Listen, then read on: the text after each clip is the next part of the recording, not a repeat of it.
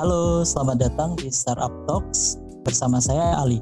Pada kesempatan kali ini kita udah di episode 2 nih dan kita tentunya tetap bahas terkait hal-hal berbau startup dan teknologi ya.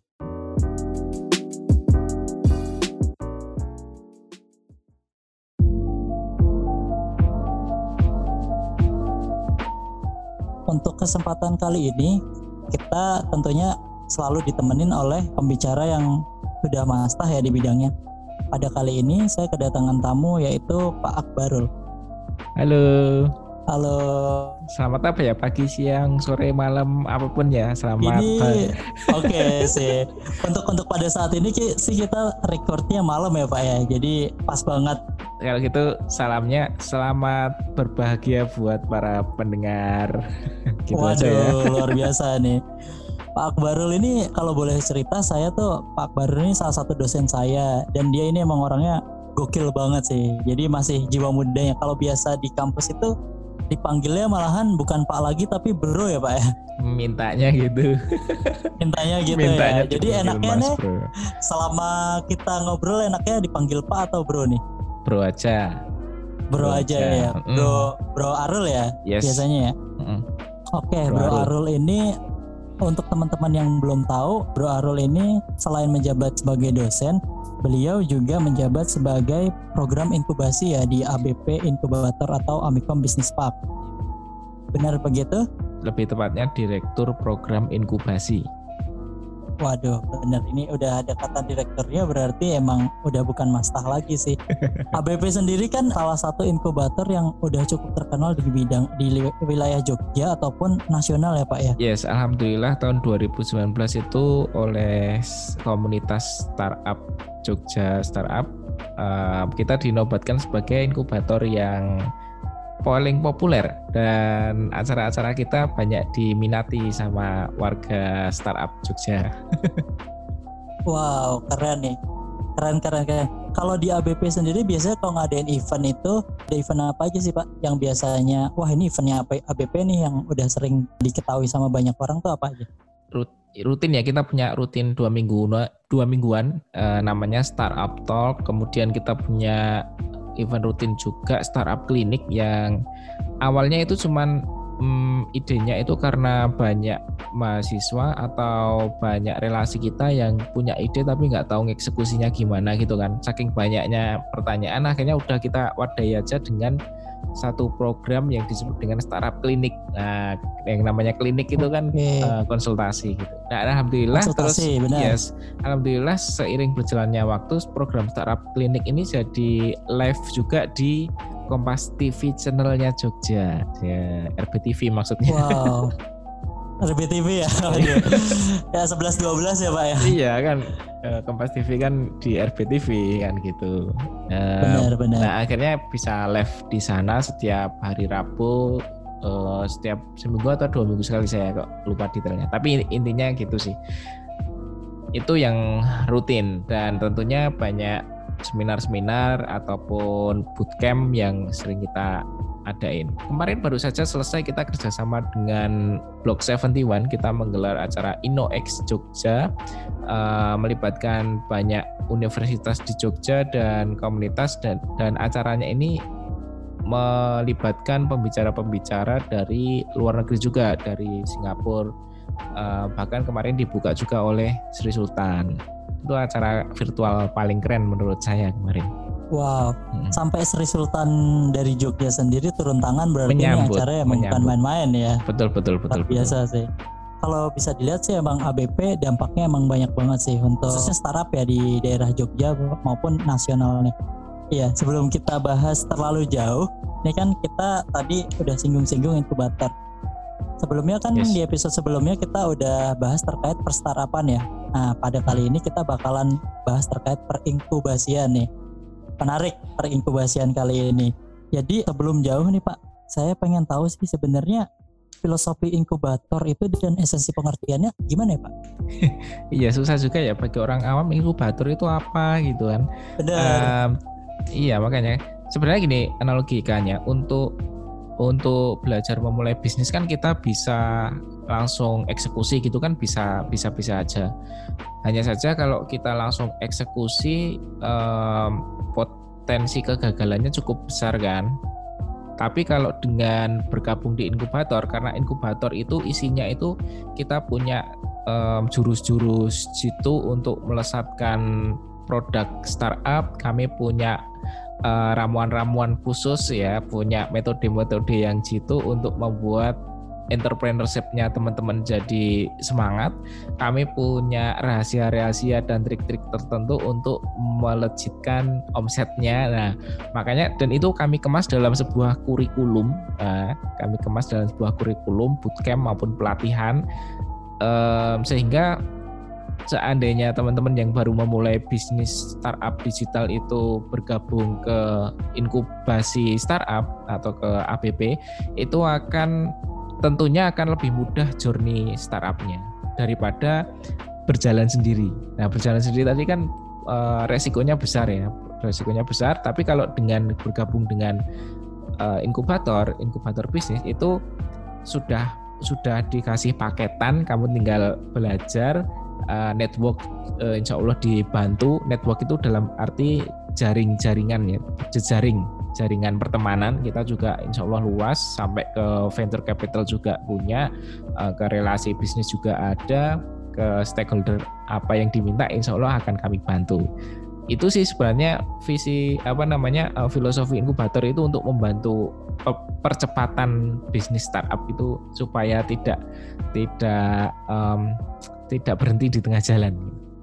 Gitu. Oke menarik nih. Jadi sebenarnya inkubator itu di ibaratnya di dalam orang-orang inkubator ini sebenarnya orang-orang yang udah berpengalaman atau bahkan sudah mendirikan startup-startup sebelumnya. Jadi mereka lebih tahu ya Pak petnya tuh arah yang benar tuh ke mana gitu iya dong kan syaratnya kalau di uh, apa namanya orang Jawa bilang kan atau di agama Islam itu kan bilang uh, kalau mau baik kumpullah dengan orang-orang soleh kan gitu. Kalau kita bawa ke konteksnya entrepreneur tuh kalau kita pengen uh, melempeng jalur entrepreneurnya ya kumpullah dengan orang-orang entrepreneur. Nah orang-orang entrepreneur itu tempat ngumpulnya salah satunya ada di inkubator kan gitu. Waduh keren sih ya intinya kan kita tuh apa dari circle kita sendiri ya nggak pak? Yes. Keren sih keren inkubator ini. Nah sebenarnya tuh kan inkubator ini berperan ketika uh, banyak banget startup yang kita lihat mungkin secara statistik ini banyak banget ya failnya daripada berhasilnya ya pak ya. Nah peran banyak. inkubator kah? Peran inkubator di situ apakah uh, startup yang gagal ini mereka nggak pakai inkubator atau gimana pada ini pak? Yang pakai inkubator gagal juga banyak mas. Juga banyak ya? Iya banyak juga. Cuman gini loh. Um. Okay. Mm, cuman gini kalau kalau kita bayangin aja ya, dibayangin grafik ya, ada grafik chart pertumbuhan seandainya sebuah perusahaan itu idealnya kan kita baru start grafiknya terus naik ya miring ke kanan gitu miring yeah. naik tapi pada, pada faktanya kan baru naik dikit energinya semangat tapi ternyata tiba-tiba terjal itu kan terus nukik tajam ke bawah Cut. terus baru kalau uh, dia daya juangnya kuat dia baru merangkak naik lagi naik lagi baru kemudian bisa melesat gitu nah itu biasanya disebut sebagai lembah kematian. E, titik curam yang saya ceritakan tadi itu biasanya disebut dengan titik e, titik curamnya, lembah kematiannya, lembah kematiannya teman-teman yang sedang memulai startup. Nah, inkubator itu e, lebih banyak perannya itu mendampingi teman-teman yang yang yang sedang menuju ke grafik yang menuju curam ke bawah ini. Nah, kami berdampingi supaya tidak terlalu jatuh jatuhnya tidak terlalu ke bawah dan dia bisa survive meskipun energinya ya wajar sih energinya naik turun naik turun gitu kan wajar tapi kita kita kita kasih metode atau treatment sedemikian rupa sehingga uh, energinya itu tetap konsisten dan syukur-syukur nggak melewati dead value-nya itu bisa terus merangkak naik. Nah, inkubator itu perannya di situ. Nanti ketika ini bisnisnya sudah mulai merangkak naik, grafiknya bisa dibayangin sudah mulai merangkak naik, itu baru biasanya akan dibantu oleh akselerator. Nah tugasnya misalnya inkubator itu tugasnya untuk membantu memvalidasi produknya nih sampai menemukan market yang tepat. Nanti begitu di akselerator itu akan dibus lagi untuk melakukan scale up. Misalnya um, contoh realnya ya real sebuah produk uh, ketika diinkubasi itu kita treatment untuk bisa uh, match dengan usernya.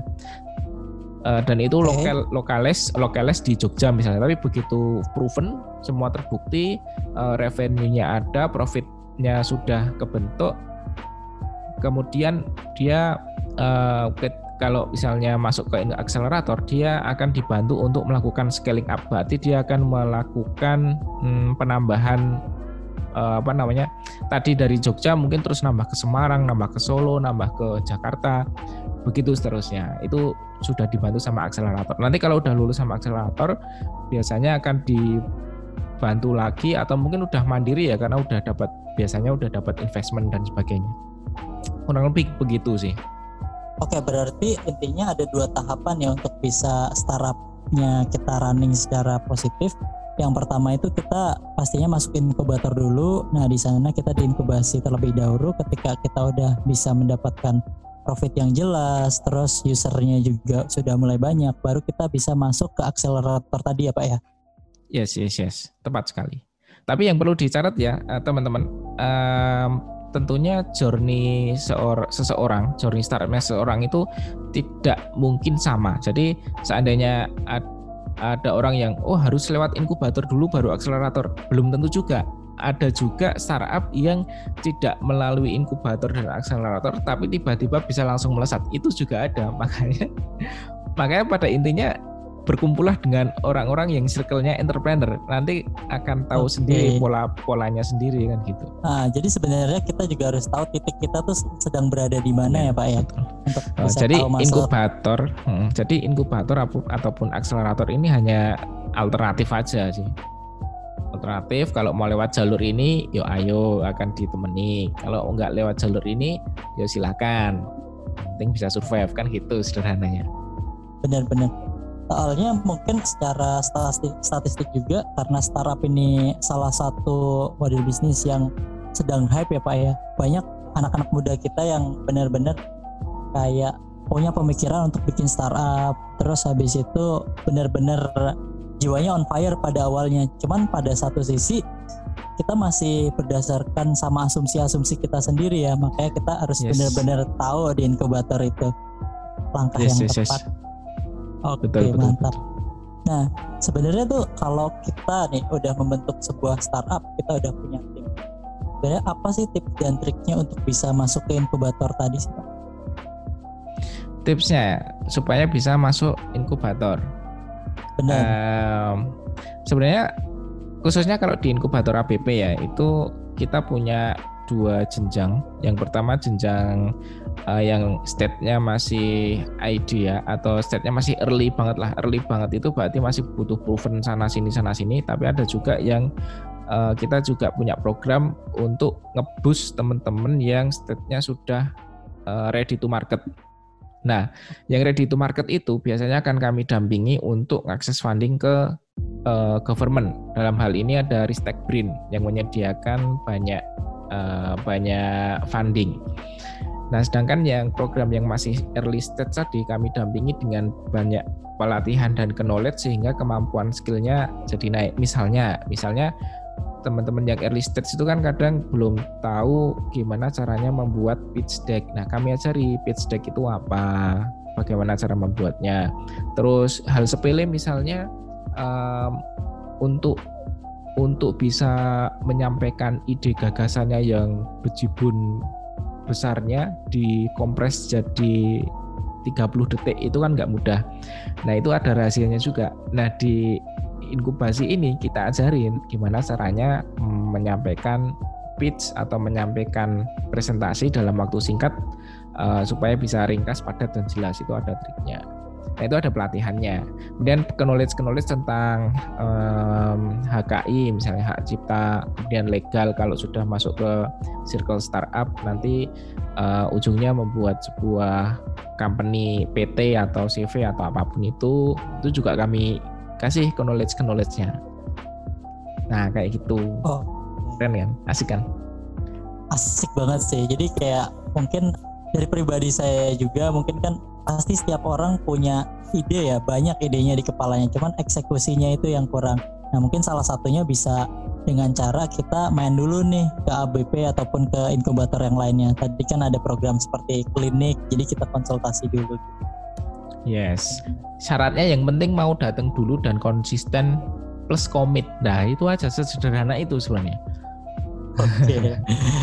kadang uh, sesuatu yang simpel kita sering ngelupain sih pak ya itu dia masalahnya mas. Itu itu ya jadi penyakit itu sebenarnya. Jadi kita itu kayaknya pikirannya pengen ke sana pengen menguasai dunia jauh Waduh. tapi hal-hal yang sepele itu kadang uh, masalah komitmen masalah uh, niat itu kan kadang benar, terlupakan benar. hal-hal yang paling dekat itu kadang malah terlupakan. Iya. Inkubator itu kan banyak juga ya model yang mau di yang ditanamin di perusahaannya Nah, ada startup teknologi juga, kadang ada food startup, agrikultur, deep tech dan lainnya. Nah, dari ABP sendiri sebenarnya fokus di bidang startup apa aja sih yang pengen diambil sama Sebenarnya sesuai dengan kompetensi kami ya eh, tim-timnya yang di ABP itu kami lebih menguasai ranahnya bidang teknologi, bidang IT. Jadi ada di inkubator yang lain itu um, misalnya ada teknologi pangan. Teknologi pangan itu misalnya gimana caranya me membuat makanan itu bisa dikemas tahan lama dan bisa di makanan yang awalnya cepat basi kemudian bisa di packaging sedemikian rupa bisa di, dikirim dalam waktu durasi lama itu kan ada rekayasanya ada rekayasa okay. dengan teknologinya gitu kan misalnya. Benar, nah benar. tapi kalau di ABP itu teknologinya teknologi spesifik IT, komputer, uh, hardware, software, eh, IoT, nah kayak gitu kayak gitu yang berbau dengan teknologi deep tech gitu uh, juga boleh. Big data itu masuk, kemudian mungkin robotik, robotik juga insya Allah kami bisa dampingi. Um, ya hal-hal yang berbau dengan teknologi banget. Nah teknologi dalam arti informatika ya. Oke benar. Karena kalau ngomongin startup itu kan ya, startup nggak melulu tentang teknologi juga ya pak ya. Ya ya ya. Coba saya tanya Mas Ali, jualan nasi goreng itu dia tuh startup apa enggak? Uh, kalau dari nasi goreng mungkin kalau kita ngelihat dari sisi bisnisnya ya kan sama-sama start nih pak startup tuh kan intinya dari awal ya. Nah itu yeah. mungkin bisa dikategorikan sebagai startup juga gitu. Kalau dari Pak Akbar gimana Pak? Benar apa salah kalau seperti itu? Iya iya iya. Benar benar. Memang memang benar, ya? startup startup itu sebenarnya untuk semua hal yang baru memulai bisnis itu namanya kan startup. Iya kan? Oke, benar. Ya, cuman saat, kadang, ya, cuman kadang tuh ini uh, banyak yang miskonsepsi kalau startup itu berbau dengan IT tadi, Pak. Bukan miskonsepsi sih kalau saya uh, menganggap ini sebagai pergeseran makna sih lebih tepatnya mungkin ya. Pergeseran, pergeseran. makna. Gimana uh, jadi jadi yang awalnya maknanya itu untuk semua hal yang memulai bisnis disebut startup, um, tetapi karena uh, sering digunakan di ranahnya teman-teman teknologi akhirnya maknanya jadi bergeser. Jadi kalau startup itu uh, begitu dengar istilah startup itu langsung ingatnya dengan teknologi. Nah, kan gitu. Jadi ada semacam pergeseran makna. Sebenarnya inti esensinya tuh ya tetap sama-sama yang memulai bisnis gitu ya, Pak. Iya, mau bisnis jualan batik apa pun mau bikin software intinya kan yang penting dapat profit. Sesederhana okay. itu sebenarnya. Benar, Hanya ya. saja kalau uh, ya kalau, kalau bahasa saya sih sebenarnya startup itu kumpulan metodologi supaya uh, dalam rangka membangun bisnis itu bisa melakukan percepatan-percepatan untuk mewujudkan mimpinya gitu. Ada percepatannya, ada duplikasinya. Ya, karena okay. karena kalau kalau orang lain bilang startup itu syaratnya harus scalable, harus duplicatable, harus growth-nya harus kenceng kan gitu kayak gitu. Kalau saya sih ngomongnya sederhana, sederhana sederhananya startup itu sebuah metodologi yang kalau kamu masuk ke situ kamu akan melewati sebuah proses percepatan-percepatan yang kenceng kan. Sederhananya kayak gitu. Mantap sih dari startup tadi kita juga bisa belajar banyak banget. Contohnya ya tentang growth tadi mindset juga kita harus benar-benar kita konsistensikan ya ya pak iya iya betul betul oke jadi uh, di sini kan kita bahasnya terkait inkubasi. Nah ini emang pasarnya atau segmentasinya buat teman-teman juga yang ketika udah punya ide startup ataupun ingin memulai suatu startup ataupun udah punya timnya ya. Jadi dia misalnya mau daftar inkubator ya. Perlu tahu juga sih Pak kayak ciri inkubator yang sehat itu seperti apa yang cocok untuk kita daftarkan gitu loh untuk kita percayakan untuk ngelola startup kita itu gimana Pak? Ya ya yang paling mudah itu cari success story-nya ya, jadi setiap inkubator itu pasti punya success story kalau nyari fail story-nya pasti banyak. Banyak ya, tapi ya, benar. Pasti ada, pasti ada. Tapi kalau success story itu mungkin jarang. Nah itu dicari apakah inkubator A ini ada bukti yang ada cerita success story yang mempertemukan startup dengan investor yang bisa invest sampai 20 miliar misalnya atau ada nggak bukti uh, inkubator di sini memang bisa men mendampingi startup ini beneran jadi PT gitu. Di, dicari success story success story-nya. Atau paling gampang itu uh, simpel aja deh cek di IG atau di website itu uh, terkelola dengan baik enggak. Kalau enggak terkelola dengan baik ya kan bisa disimpulkan manajemennya um, fokus apa enggak kan gitu. kegiatan ke, kegiatan kegiatannya coba dicek uh, dari sekian banyak inkubator uh, dicek nih inkubator mana yang aktif meng, mengelola ke, mengeluarkan kegiatan produktif dengan berkegiatan gitu. kalau kegiatannya ada kadang enggak kadang ada dan monoton gitu berarti kan bisa dinilai sendiri bagaimana mengelolanya kan. Kalau mengelola hal-hal sepele aja masih um, terbatas, bagaimana nanti mengelola teman-teman startup? Nah, logikanya kan gitu. Benar, tadi kan kalau kita di startup juga kuncinya konsistensi ya. Kalau dilihat dari inkubator sendiri, inkubatornya itu sendiri nggak konsisten terkait event-event ataupun tata kelolanya. Jadi kan udah bisa disimpulkan ya kalau inkubator tersebut emang kurang cocok untuk bisa kita percayakan gitu ya. Bisa jadi terus parameternya mungkin bisa dari event-event terus investor-investor yang udah bekerja sama dan lain-lain kayak gitu. Iya, iya. Tapi jangan lupa yang penting ketemu dengan um, orang inkubatornya. Jadi meskipun eventnya sudah aktif, webnya update juga, IG-nya update, tapi kalau ketemu dengan pengelolanya hmm, kayaknya nggak well atau nggak cocok ya jangan diambil. Mungkin nggak jodohnya di situ kan gitu juga bisa. Sebenarnya juga banyak sih yang perlu kita pertimbangkan. Karena bukan main-main ya kita mempercayakan uh, masa depan kita ibaratkan ya. Iya iya benar benar benar.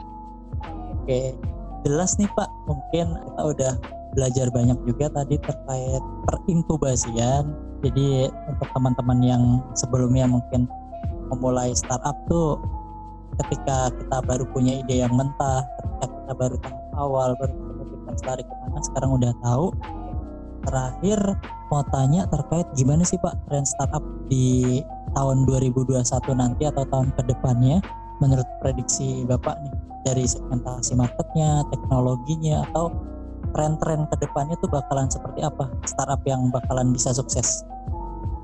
Aduh ngomongin tren ya agak susah ini. Pertanyaannya kayaknya sepele tapi susah dijawab. Karena kenapa? Karena eh, iya karena kalau misalnya saya ngomong oh tren yang ke depan adalah payment fintech misalnya gitu. Kasihan dengan teman-teman yang fokus bidangnya agriculture, agriculture misalnya atau kasihan teman-teman yang bidangnya otomotif. Padahal dari perspektif mereka uh, fitur trennya itu ada di bidang saya nah, kan jadi nggak adil. Makanya kalau saya ditanyain trennya apa itu saya kira hampir di semua bidang bisnis itu akan mengalami masa uh, disrupsi.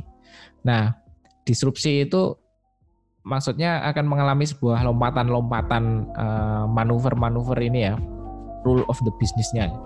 Nah, yang jadi yang harus dijadikan hmm, ya dijadikan referensi itu kita akan menjadi penonton atau menjadi pemain dalam uh, melakukan disrupsi itu. Nah, kembali lagi kalau ditanyain tentang tren, saya kira hampir semua bidang bisnis itu akan mm, akan mengalami tren. Masing-masing punya punya punya kecenderungan punya tren masing-masing. Yang penting tugas kita, tugas teman-teman sebagai entrepreneur muda itu mau nggak mau harus masuk ke dalam ekosistemnya masing-masing. Misalnya nih, maksud saya gini, contoh realnya. Teman-teman yang kuliah di IT kepikiran bikin sebuah IoT untuk mengontrol perkebunan teh.